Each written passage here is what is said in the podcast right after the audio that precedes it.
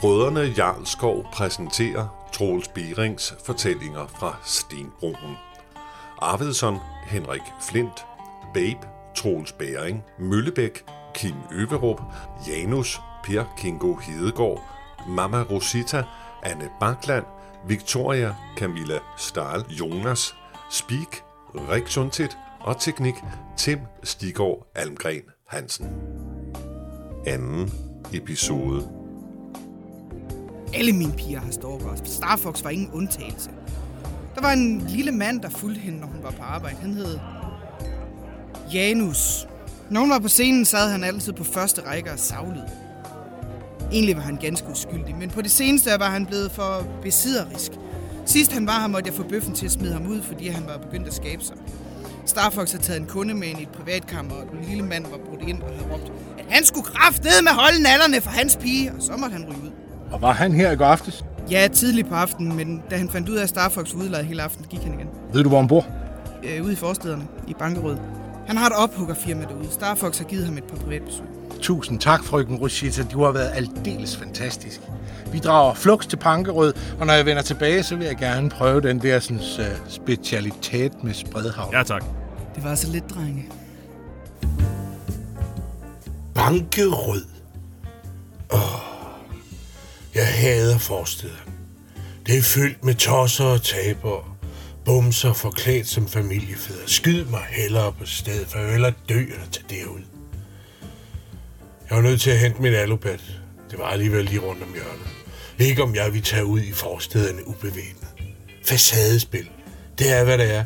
Hvorfor eksisterer der en verden, der slutter klokken 6, når familiefar hjemvender fra det hårde kontorliv, hvor han endnu en gang har knaldet sin sekretær for nu at vende hjem med dagens fangst i form af brusens dybfrostende lørdagskøling og pappet rødvin fra de arveste marker i Sydafrika, mens konens elsker smutter ud af vinduet for at vende tilbage næste dag.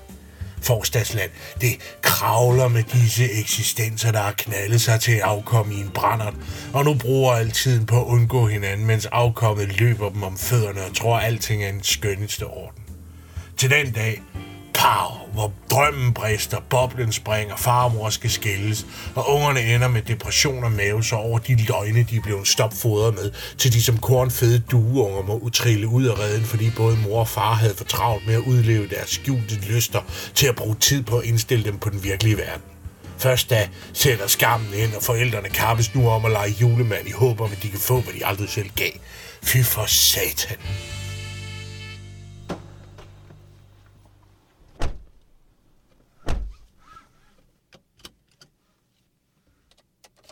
Sådan.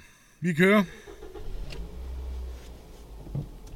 Jeg vil vede på, at det er ham her, Janus-fyren, der er den skyldige. Det er altid de mest oplagte, der er morderen. Han kunne jo ikke komme ind på hotellet. Du har selv sagt, at du ikke var alt for overbevist om, at nogen kunne komme ind. Tror du virkelig på, at Lars Pierre kunne holde øje med hele hotellet alene en hel nat? Siger du, han lyver? Men jeg tror, han har været alt for optaget af sine kogegryder til at lægge mærke til noget som helst. Især hvis der var nogen, der sneg sig ind på hotellet. Han opdagede ikke engang os, før vi kom ud i køkkenet. Jeg ser intet problem i, at nogen kunne snige sig efter Rockvi og Starfox.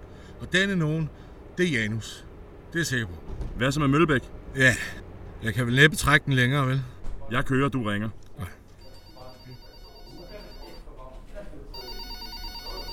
Kriminalkommissær Møllebæk her. Hvem taler jeg med? Det er Babe. Vi to har ikke noget at tale om. Farvel. Hey, hey, hey. Jeg gider det her lige så lidt som dig, men jeg er nødt til at snakke med dig. Du får ikke flere af mine penge. Jeg skal for helvede ikke bruge dine penge, medmindre du har 220.000, du har lyst til at ofre på mig. Har du det? Nej. Så er det godt, jeg ringer i et helt andet ærne. Det er angående den her Rockvi-sag. Jeg tror, jeg er fat i den forkerte. Er der en sag? Så vidt jeg ved, havde Rockvi skåret halsen over på tøsen og lagt sig til at sove bagefter, mens blodet flød ud i sengen. Let op. Det er da fuldstændig ude i hampen at tro, at snemanden Rockvi bare lægger sig til at sove ved siden af en nyslagtet hyggetrund. Hvis der er nogen på Stenbroen, der kunne finde på den slags, så er det Rockvi. Om det er med vilje eller indhyllet i snetog, så er den mand en omvandrende katastrofe. Så langt er vi enige. Men hvor var morvåben? Det var ikke på hotelværelset, vel? Hvem har du snakket med? Det er fortrolige oplysninger. Jeg arbejder for nogen, der gerne vil have sagen opklaret. Du arbejder for herr Jokvan, ikke? Jo. Det havde jeg fandme ikke regnet med. En ting er at ende blandt gadens fugle. Det er der trods alt en vis ære i.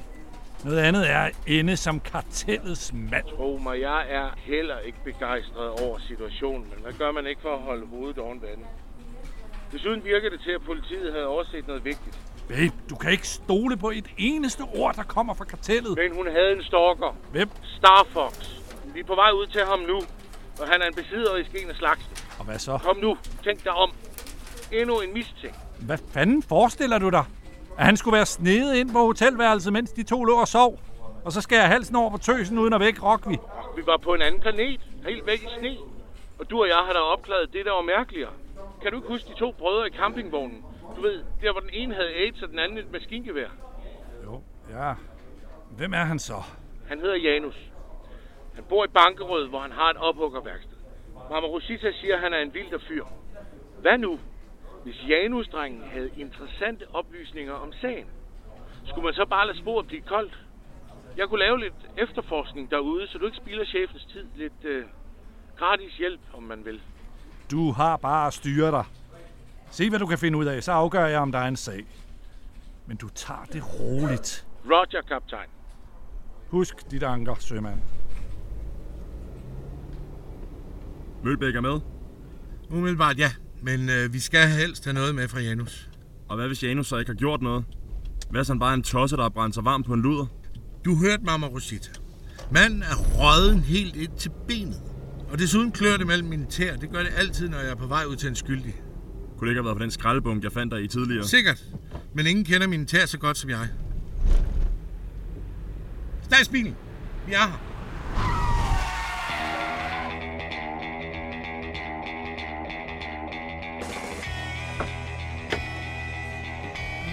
Hvor er han så, ham der får mine tæer til at klø? Der er en derovre. Hey! Er du Janus? Det kommer an på, hvem der spørger. Det er Janus. Fanden er I? Og hvad ved I? Vi er her, fordi vi gerne vil spørge dig om noget. I ligner ikke strisser. Er I strisser? Hvordan fanden ved du, hvordan strisser ser ud? Hvor var du i går aftes? Der er et skilt. Vis mig et skilt. Luk røven og svar på spørgsmålet.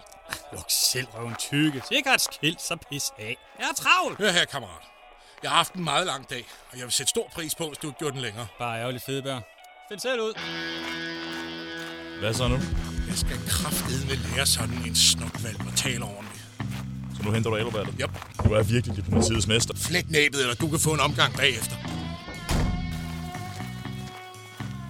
Hey, Krigan! Jeg synes lige, vi skal snakke igen. Hør du dårligt? Jeg sagde skrid. Hov, øh, hvad skal du med den der? Vi prøver lige igen. Hvor var du i går aftes? Ja, det siger jeg ikke. Au, au, au, au, for for din psykopat. Du lige brækket min arm. Sådan går det, når man svarer forkert i Jeopardy. Vil du prøve lykken igen? Ah, skrid. Au, au, au, au, au, pis, pis. For helvede, mand. Idiot. Det var mit knæ. Og jeg kan blive ved, ikke? Du har stadigvæk en god arm og et godt ben tilbage, for uden alle dine ribben. Egentlig, så er jeg faktisk hammerende barmhjertig at lade dig tale først, og ikke efter jeg har omorganiseret dine organer. Jamen, du er kraftet med stjernepsykopat. Hvad fanden har jeg gjort der? For det første vil du ikke svare på et simpelt spørgsmål. For det andet kalder du mig tyk. Begge dele er mere end grund nok til at få en gedin opgang kryb. Så er du færdig med at være næsvig. Ja, Og vil du svare på Arvidssons spørgsmål? ja, ja. Hvor var du i går aftes? Her, jeg var her i værkstedet. Jeg, jeg havde en bil, jeg skulle være klar her til morgen. Hvad lavede du ellers? Jeg er ikke noget, jeg svær ikke til arm efter for helvede. Du har lige kvalt min fod. Hvorfor fanden gør du det? Det er heller ikke pænt at lyve, vel? Vi har allerede snakket med Mama Rosita, og hun så dig på La Besserie i går aftes. Ja, okay. Jeg var lige forbi, men jeg gik forgæves og kom hjem igen. Ja, din yndlingsluder var optaget, ikke? Om jeg forstår, jeg kryber, I gider binde jer til en luder, der alligevel kun er ude på at tømme jeres tegndreng. Hold nu kæft. Jeg har aldrig knaldet Starbucks. Og hvorfor så ikke det, hva'? Var hun for dyr? Så kunne du da have gået ned til Vortedorte i Lolita Strasse, ikke? Hun giver en blæs for en 20'er. Ikke fordi jeg selv har prøvet det, men en af mig siger det er ret godt til prisen. Hun er min søsters spade. Au, for den er sød stop. Jeg kan ikke holde det flere slag. Drop dit pis, mand. Jeg gider ikke at høre på det. Du har taget ind til byen for at købe din yndlingsluder. Men da du fandt ud af, at hun var optaget, så blev du så rasende, at du besluttede dig for, at hvis du ikke kunne få hende, så var der heller ingen andre, der skulle have det. Er det ikke rigtigt? Så fulgte du efter hende, steg dig ind på Hotel Kammerpotten og slog hende ihjel, mens hun lå og sov ved siden af sin kunde. Var det ikke det, der skete? Hun, er hun død? Hvordan det skete? Ja, det kan du passende fortælle mig. Det var dig, der gjorde det. Nej, jeg har ikke gjort noget. Jeg er uskyldig. Jeg sagde, at du skulle droppe løgnehistorierne. Hør du, hvad jeg siger? Hvad? Babe, babe. Jeg tror, du afhørte ham lidt for hårdt. Det sidste slag til hovedet har slået ham ud. Tøse, dreng. Nå, vi binder ham, så kan Møllebæk klare resten. Og du er helt sikker på, at det er ham? Min tær tager aldrig fejl. Ikke? Desuden så var han næsvis, så han fortjente i hvert fald tre slagene. Idioten kaldte mig kraftedeme for fedbær. Hvad fanden er det for et ord? Hvad fanden siger fedbær nu om dagen? Du er da heller ikke helt bleg for at fyre et par gloser af. Nej, men lige frem fedbær. Noget siger mig, du ikke er helt tilfreds med din kropsbyg. Luk røven. Ikke? Jeg er træt af tosser som ham der. Ja, jeg er tyk, men det er mit problem. Ikke? Det kraftedeme ikke andres. Der er nogen, der blev mobbet som barn, og der er igen nogen, der kommer til at spise lidt meget som resultat af det. Så noget, det er helt normalt. Ikke? Det giver ikke fripas til at være nedladende. Og det gælder alle, dig inklusive. Så hvis du har noget som helst at udsætte på min alternative Adonis-figur, så har jeg stadig et par slag i højreånden tilbage. Er du med? Jeg er med. Godt. Så ringer jeg til Møllebæk.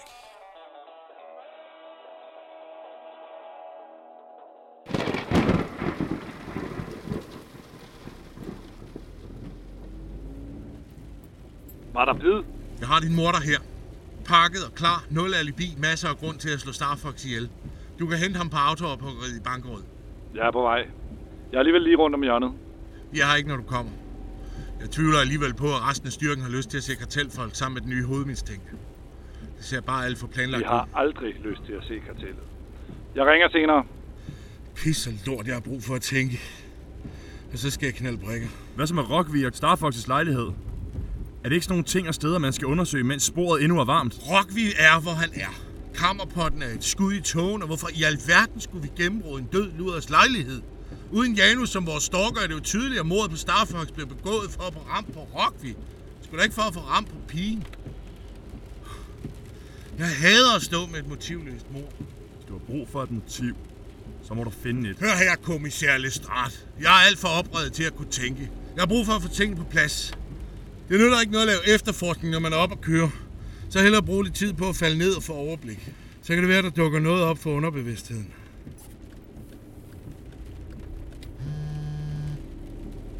Åh, oh, det er Møllebæk. Friden kalder. Ja, Sig mig, at det her er en eller anden form for joke. Hvordan fanden havde du tænkt dig, at jeg skulle afhøre en død mand? død. Han var sgu da levende, da vi forlod ham. Lidt, lidt haltende, jeg vidste, men ellers i fin form. Og nu fortæller du mig vel, at det heller ikke er jer, der har hængt ham op. Hængt op. Hvad snakker du om? Manden er blevet hejst op i et kædetræk og hænger lige nu halvanden meter over jorden med hovedet nedad. Hans håndled er blevet bundet med ræb og trukket ud fra kroppen, så han ligner en omvendt svævende Jesus midt i værkstedet. Og til sidst er hans hals blevet skåret over, så blodet er løbet ned over hans ansigt og videre ned på gulvet. Og kan du høre det? Han drøber stadig. Havde det ikke været for de udstrakte arme, så ville jeg have svoret på, at Janus er blevet halalslagtet midt i sit værksted. Hør her. Nok var han utidig, men det der har jeg ikke noget med at gøre. ville heller ikke ligne dig. Men nu er du jo gået hen og blevet kartelmand. Forresten så havde manden et alibi. Om end ikke et, han gerne vil have ud. Vi har lige fundet en DVD med en noget aparte kødfilm, der er blevet optaget samtidig med mordet på Starfox. Jeg skal nok spare dig for detaljerne, men kort sagt, så frikender kødfilmen her Janus for mordet på Starfox, men dømmer ham for mordet på tre andre kvinder. Det er løgn. Lad os bare sige, at den ikke lige ryger ud på kioskhylderne. Hansen har allerede identificeret en af pigerne i filmen. Hun har været meldt savnet i 14 dage. Fy for helvede, hvem slagter en mand på den måde? Mit umiddelbare gæt peger på nogen, der ikke har været helt tilfreds med hans videoproduktioner. Det ligner næsten et signal. Janus hænger som om han var korsfæstet med hovedet nedad. Ligesom det sataniske kors. Så Janus var en satan. Ja, det kan vi godt blive enige om. Manden kan kalde mig tyk. Gjorde han? Så gætter jeg på, at du er ansvarlig for størstedelen af de brækkede lemmer og de blå mærker. Jeg sagde til dig, at du skulle tage det roligt. Han provokerede. Jeg er ligeglad med, om han så gav dig ansvaret for jordens gravitationsfelt. Når jeg beder dig om at tage det roligt, så tager du det roligt. Det er jo ikke første gang, det her. For helvede, mand. Det er sgu da ikke mig, der har klynget ham op. Der må have været en anden derude. Hvem? I havde kun lige forladt stedet. Og du har lige indrømmet, at du forsøgte at slå ham til lierkassemand. Hvad vil du have, jeg skal tro? Ja, det ved jeg sgu da ikke. Jeg havde også brug for ham i live. Nu var han et død. Der mangler jo ligesom en hovedmistænkt. Han var der ikke i går nat. Han var her i garagen, det har jeg beviser på. Og selvom han kendte Starfox, så virker det her som en helt anden historie. Jeg tror, du har sat noget i gang med din efterforskning. Noget, som Janus måtte bøde for. Hvad mener du? Janus er blevet slagtet. Det bliver man ikke bare, fordi du kommer forbi og anklager ham for mordet på en tilfældig luder. For helvede, Janus behøvede ikke engang blive slået ihjel, hvis det bare handlede om at lukke munden på ham. Nej, det her, mor. Det er noget helt andet. Hvem satte dig på sporet af Janus? Var det kartellet? Nej, det var øh, Mama Rosita nede fra La Besserie. Jeg pegede på Janus, da jeg spurgte, om Starfox havde nogen stalkere. Godt så. Det her er min sag. Du forlader ikke byen. Du kan regne med at blive forhørt senere. Hvad så med Rockvi? Du kan lige så godt droppe den sag, babe. Rockvi er skyldig som en rotte i et ostebur. Farvel. Nej! Du er nødt til at give mig lidt mere tid, Mølbæk. Hvorfor? Gør nu her. Jeg har en personlig interesse i, at sagen bliver opklaret. Og du har en personlig interesse i, at det er den rigtige, der spiller. Overlever det ikke, hvis Rockvi bliver dømt. Er det det? Sådan kan man også sige det. Sig mig, hvordan bliver du ved med at rode dig ud i den slags? Hvis det ikke er det her, så er det Carlsens Kemikaliefabrik med Jojo, Henke og Lille Louis. Hvornår holder du op? Bare mig for din moralprædiken. Det er da kraftedeme nemt at lege moralens vogter, når man har mad på bordet lørdagsfilm i fjerneren. Har du igen hørt debatprogrammer på politiradioen, eller er det bare din indre mavesyre, der skal ud? Det er ikke alle, der bare kan lukke hoveddøren og samfundet uden, at arbejdsdagen slutter. Der er nogen, der er nødt til at blive ude i regnen, fordi man har brugt pengene på mad i stedet for et tag. er altid så selvhøjtidelig, babe. Men der er intet ædelt i at være en rod. Du er en kryster med en kæmpe kæft. Du er eminent til at rode dig ind i problemer og røv elendig til at rode dig ud af dem igen. Er du nu skuffet, hva'? Er den store Møllebæk endnu en gang skuffet over hans lille protégé, der ikke kan finde ud af at snøre sin egen snørebånd? Du kan bande på, at jeg er skuffet. Jeg har snart ikke talt på, hvor mange gange jeg skulle redde din røv. Jeg har prøvet igen og igen at lære dig konsekvenserne af dine handlinger. Hvis du gerne vil have æren fra min opdragelse, så skulle du have brugt lidt mere end to timer hver anden lørdag. Det er ikke nemt at være moralmand, når alting hedder spis eller bliv spist. Og du har tydeligvis ikke mødt Kalibal, Carsten. Vil det skade dig at lytte en gang imellem? Bare en enkelt gang lytte, inden du handler. Jeg er efterhånden træt af at have ret, når det kommer til resultaterne af dine eskapader. Ja, så, charmant Søren. Var det dit store forsyn, der holdt mig i live, mens jeg gjorde dine beskidte ærner på bundet af sutteranden, hva'? Ned hos rotterne og slapskallerne. Det gjorde du på egen hånd. Jeg bad dig ikke om det. Hvad fanden snakker du om? Ja, du var kriminalkommissær politimand. Oven i købet Stenbroens politis officielle ansigt ud af til. Ingen kan røre Møllebæk, står der i sprøjterne. Du var den urørlige, der ikke kunne ramme sig korruption. Men hvor du var den store frollo, så var jeg din Quasimodo. Ham du ikke kunne røre ved, fordi han var så afskyelig, så nedrig, så meget essensen af Stenbroens skidt. Men jeg har hjulpet dig så mange gange med at skaffe oplysninger på både den ene og på den anden, og så er det her takken. Hvorfor var det egentlig, at der ikke var nogen, der måtte vide, at du kom forbi børnehjemmet, var? Hvorfor skulle det holdes hemmeligt? Skulle jeg først vises frem, da jeg var blevet en lovlydig borger, du igen kunne tage æren for en, for en stakkels forældreløs fattig dreng, var? En, hvis forældre døde i brand. Var det derfor? Og ved du hvad, jeg er hammerende ligeglad med, hvorfor du gjorde de ting. Jeg har bare brug for, at du holder sagen om Rockby i live. Det kan jeg ikke. Sagen er færdig. Du er ude på en vildmand. For helvede, Møllebæk. Hvad med morvåben? Tror du virkelig på, at manden skærer halsen over på en pige, lægger sig til at sove ved siden af en, og derfor får morvåbnet til at magisk at forsvinde? Der er huller i den historie, Møllebæk. Kæmpe huller! Jeg skal gøre, hvad jeg kan. Jeg kan ikke love noget, men hvis jeg utilsigtet kommer til at sløve processen, får du lidt ekstra tid. Tak. Jeg kan ikke redde dig denne gang, babe. Du er helt mutters. Og hvis der er et spor, så er det ved at blive koldt. Jeg redder mig selv. Det har jeg altid gjort. Ring, hvis du finder ud af noget. Så meget for din tær. Min tær havde ret. Janus var et svin. Bare ikke vores svin. Er han stadig ikke med? Ja. Møllebæk er stadig med.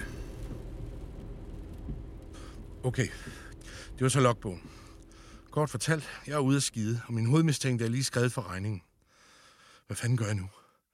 For helvede, Janus, hvorfor fanden skulle du også lige tabe livslotteriet nu? Og hvorfor var du ikke skyldig? Du var den oplagte morder. En stakkels tosse, der var faldet for en bolddame og ikke kunne tåle at se hende sammen med andre. Første side i håndbog for mormysteriet. Og så var du i stedet en skubbelsvend, der laver apart kødfilm med terminal slutning. På en måde undrer det mig ikke. Man kan ikke stole på nogen på Stenbroen. Og selv den sødeste pigespejder kan vise sig at have en bibeskæftigelse som giftmorder. Men nu er du så kaperet. Egentlig ganske fortjent, men det hjælper ikke mig en hat. Og hvem fanden har så lavet køkruseduller i hyggetrunden? Tænk, babe, tænk. Dit liv afhænger af det. Hvem er nu det?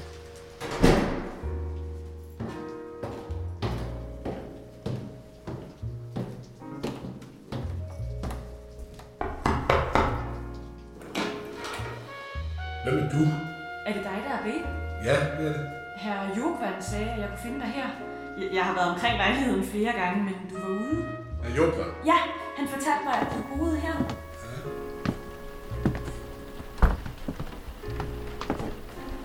Ej, hvor ser her interessant ud. En rigtig detektivlejlighed. Hvorfor sender han dig her? Jeg har ikke forladt redden. Ja, jeg var i forstadsland, men det var jo da som en del af efterforskningen. Oven i købet var jeg sammen med den brunsnede Arvidsson. Øh, Hvem er Arvidsson? Hvem Arvidsson er? Hvem fanden er du? Mit navn er Victoria Winter. Du er i færd med at opklare mordet på min søster. Din søster. Er Star Fox din søster? Vær sød ikke at bruge det vulgære navn. Hendes navn er Vivienne. Vivienne Winter. Det andet navn er, ja, hvad skal jeg kalde det, hendes kunstnernavn. Fuld bak, frøken Tusindfryd. Og start lige forfra igen. Hvem er du, og hvad har du med herr Jugvand at gøre? Jeg er Viviennes søster, og jeg er kommet for at hjælpe dig med efterforskningen. Hmm. Jeg har ikke noget med herr Jugvand at gøre. Vi er bare bekymrede for hende, både far og Janus og jeg. Janus? Ja, det er min og Viviennes bror. Han har lovet at komme, så snart han er færdig med arbejdet. Jeg, jeg prøvede at ringe, men han tog ikke sin telefon. Han er nok begravet i en bil. En bil? Han har et autoophuggeri ude i Bankerød. Men han skal nok komme, så snart jeg får fat i ham. Hmm. Har du noget imod, at jeg lige åbner et vindue? Har lugter altså virkelig indelukket. Angående Janus, så er jeg øh, bange for, at han lige er krasset af. Hvad mener du? Han har taget billetten på tur til de evige jagtmarker. Og gået ned med sit skib, du ved. Den slags. Er, er han død? Hvornår skete det? For mindre end en time siden. Vi havde været ude og øh, afhøre ham i forbindelse med mordet på Starfox. Vivienne. Ja. Altså, Janus var vores hovedmistænkt. Hovedmistænkt? Det var hans søster, det må han da have sagt. Han nævnte det godt, men vi var stadig i tvivl. I tvivl? Hvad er du for en detektiv? Janus skulle aldrig finde på at krumme et hår på nogen som helst. Han var det sødeste menneske. Åh oh, nej, hvordan døde han? Ja, man kan vel kalde det en arbejdsulykke. Men hvorfor sender herr Jugvand dig? Arvidsson er en pestilens nok i sig selv. Og hvis Starfox er din søster, så er du allerede der følelsesmæssigt involveret. Og tydeligvis knaldhammerne ustabil. Du har lige fortalt mig, at min bror død. Hvad regner du med? Så det er ikke herr Jugvand, der har sendt dig. Nej, for pokker. Jeg er kommet alene. Så prøver vi lige igen. Hvem er du, og hvor kommer du fra? Jeg hedder Victoria. Jeg er søster til Vivienne og til Janus. Vivienne var mors gudbarn. Hendes egne forældre er døde, så Vivienne kom og boede hos os. Mor har aldrig fortalt Janus og mig, hvordan Viviennes forældre døde. Det var forbeholdt Vivienne, sagde hun. Men jeg tror, at Viviennes mor døde i barselssengen, for hun kom til os, da hun var helt spæd. Sagde du ikke lige, hun var din søster? Og nu er hun et hittebarn. Mor og far adopterede hende, så vi er søskende. Janus og jeg blev bedt om at tage godt imod hende, og det gjorde vi. Vi tog imod hende som en rigtig familie. Således voksede hun op, og da skolens karrierevejleder bad hende overveje sin fremtid, så valgte hun at blive ekstravagant eskort. Se, det er kernefamilien i en nødskab. Vivienne valgte det selv. Vi tog imod hende, og hun passede bare aldrig ind. Hun var familie, men hun, hun var ikke rigtig familie. Jeg forstår ikke. Uddyb. Hun var forfærdelig. Der, der var noget smukt over hende, noget eksotisk. Fyrene faldt for hende på stribe, og hun havde en ny kæreste hver anden uge. Jeg sagde til hende flere gange, at hun skulle passe lidt på, at de ikke udnyttede hende, ikke? men hun låste bare døren ind til sit værelse og efterlod mig ude på gangen. Det var ikke i orden, sagde jeg. Hun skulle opføre sig bedre, når hun var adopteret. Ikke? Hun, skulle, hun skulle være mere taknemmelig over, at hun kunne være en del af vores familie, men hun var bare sur. Og Janus? Janus og Vivienne var uadskillelige. Det var, det var altid de to sammen, men der skete et eller andet mellem dem, der gjorde, at Vivienne stak af hjemmefra. Janus har aldrig fortalt mig, hvorfor, men jeg tror, det var noget med det videokamera, som han altid rendte rundt med. Stak hun af? Det er fire år siden. Far var sikker på, at hun var død, men mor ville ikke give op. Mor troede stadig på, at en dag ville Vivienne komme ind af hoveddøren uskat og glad. Hun døde for et par måneder siden. På en måde er jeg glad for det. Så hun ikke skulle se billedet af sin adoptivdatter på forsiden af Stenbroens sprøjte. Men hvorfor opsøger du mig? Jeg ringede til politiet, men de virkede ikke synderligt interesseret i at opklare sagen. Hvad giver du mig? Jeg brokkede mig i 20 minutter til en betjent ved navn Mølleå, og til sidst gav han sig og sagde, at jeg skulle opsøge dig. Selvfølgelig er det mærkeligt, at politiet ikke vil opklare forbrydelser, men jeg tænkte, det var fordi sagen var så delikat, du ved, med kartellet og det hele, at de havde sat en privatdetektiv på Jamen, sagen. så velkommen til efterforskningen. Ved du, hvor din søster boede? Måske der er noget der, der kan hjælpe os med at finde morderen. Det tog noget tid, men jeg fik presset det ud af far. Øh, Jeg har skrevet det ned. Øh, Ryge de Molin de Pru 12. Det er lige rundt om hjørnet. Vi tager dig ned med det samme. Men hvad med Janus? Janus løber ingen vejen.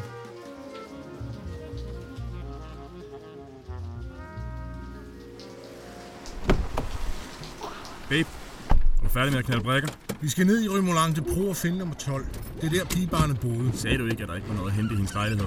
Jo, men damen her kom forbi og gjorde sagen meget mere indviklet, så jeg er bange for, at vi skal derhen. Hvem er hun, og hvorfor skal hun med? Det er Starfox's søster. Nu hun gider jeg snart ikke sige det mere. Hun hedder altså Vivienne. Skulle du ikke forestille dig at være på udkig? Hun dukkede bare op i lejligheden. Jeg har lige snakket med Lars Pierre. Han siger, han har noget vigtigt at fortælle os. Han er på vej til kammerpotten. Jeg foreslår, at vi skynder os derned med det samme. Det er alligevel rundt om hjørnet. Og spille vigtig tid på at vente på ham der. Vi kan lige så godt tage op i lejligheden først, og så ned på kammerpotten bagefter. Nå, det kan være lige meget.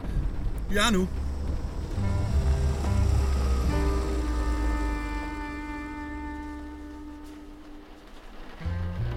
Det er altså noget af et faldefærdigt antisolvant, det her. Ja.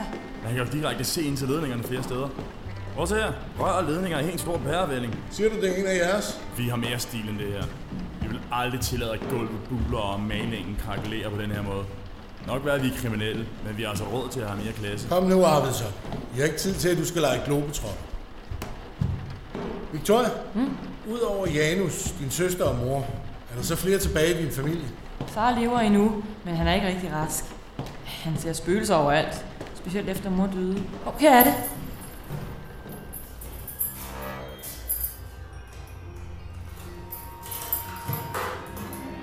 Sådan.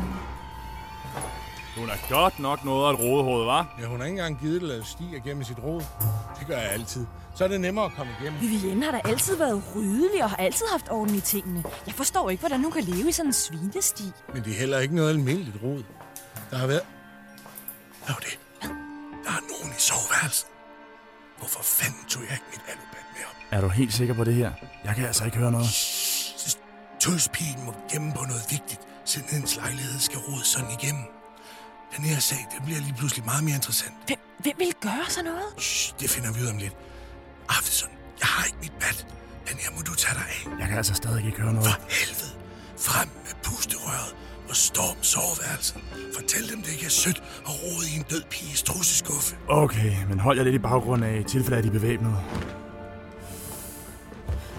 Lad det i vejret i rådne. Ah, for helvede.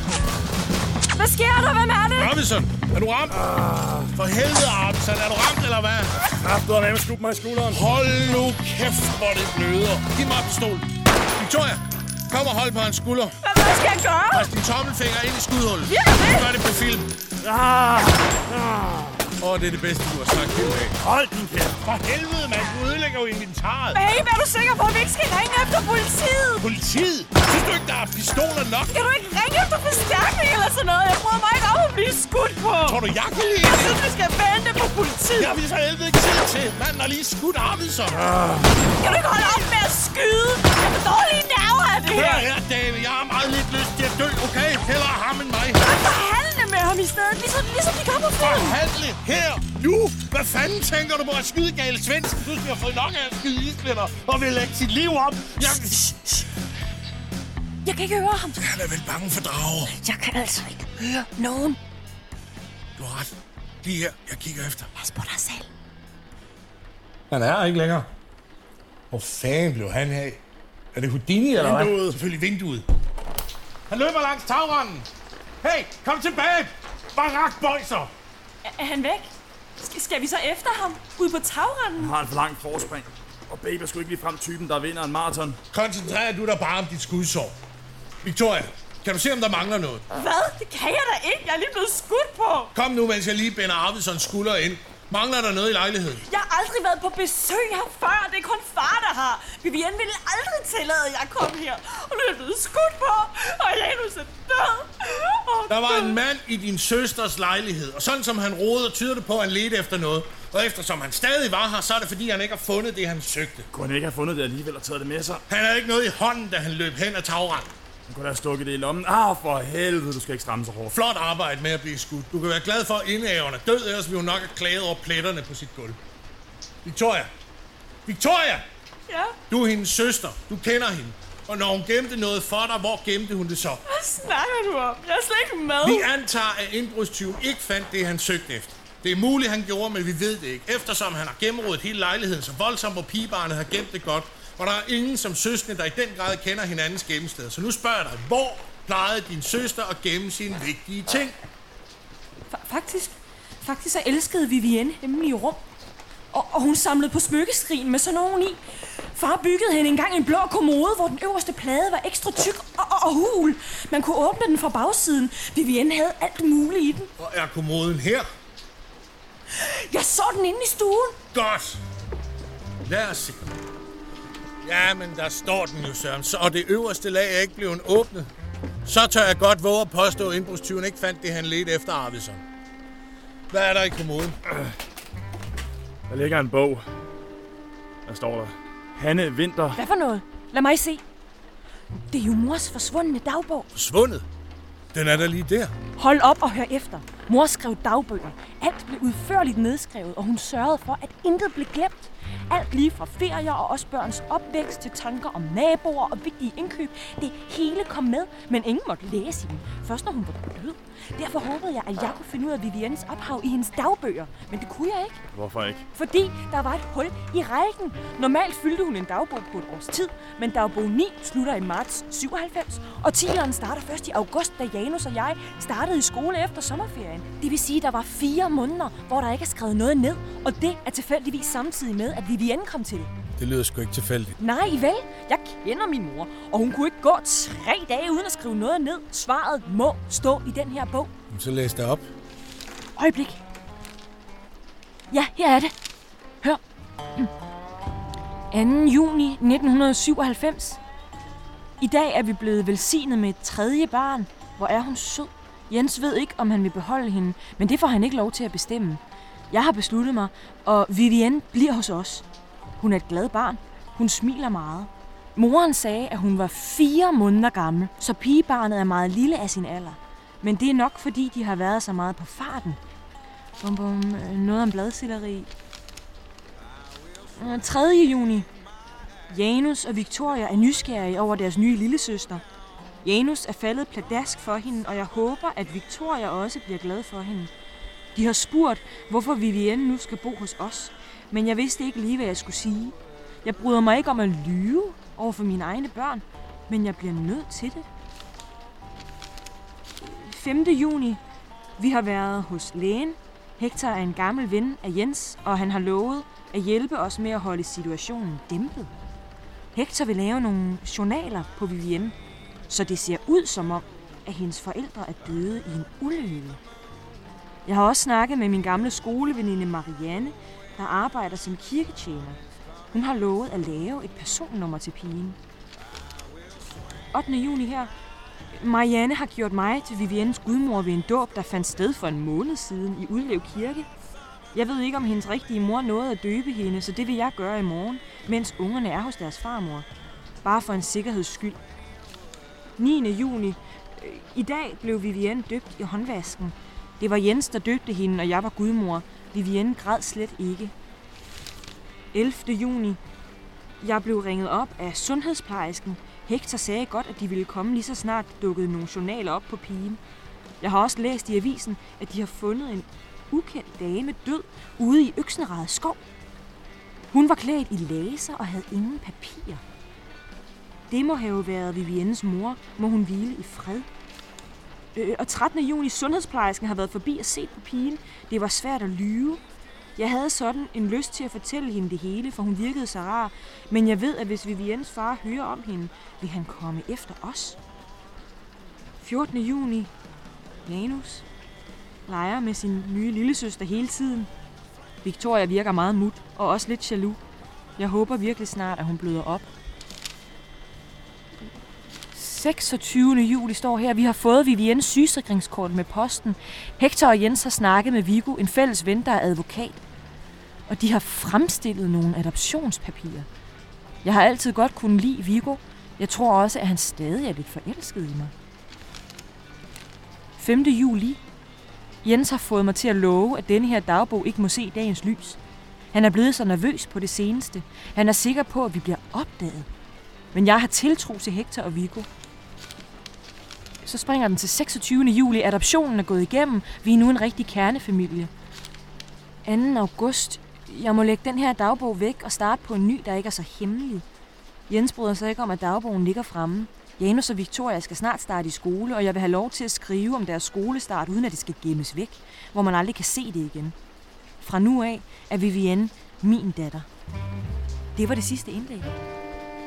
Det var noget af en dagbog. I har godt nok holdt Starfox hemmelig. Hun hedder Vivienne. Jeg har lige sagt hendes navn 10 gange i streg, og alligevel siver det ikke ind i knolden på dig. Er du virkelig Frøken så Winter, dum? du har hjulpet os nok for den her gang, og du er tydeligvis mærket af situationen. Tag du hellere ned på politistationen og snak med kriminalkommissær Møllebæk. Det var ham, der fandt din bror. Du skal slet ikke sige noget. Jeg kan godt sige dig én ting. Jeg har aldrig været med til større amatørarbejde og sjusk.